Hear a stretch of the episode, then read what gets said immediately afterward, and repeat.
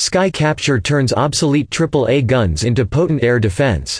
Israel Aerospace Industries has won a tender to supply a fire control system that will transform obsolete anti-aircraft artillery into modern, effective and potent air defense assets.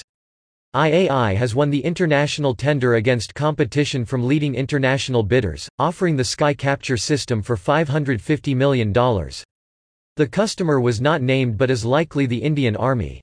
The system optimizes the performance of air defense artillery against a broad range of airborne threats, protecting headquarters, military bases and strategic assets.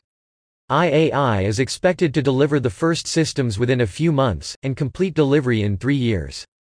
Sky Capture is a command and control system for anti-aircraft artillery and very short-range air defense weapon systems also known as V-SHORAD, that transforms legacy manually controlled artillery into modern, remotely controlled accurate weapons, by applying modern sensors, communications and computing capabilities.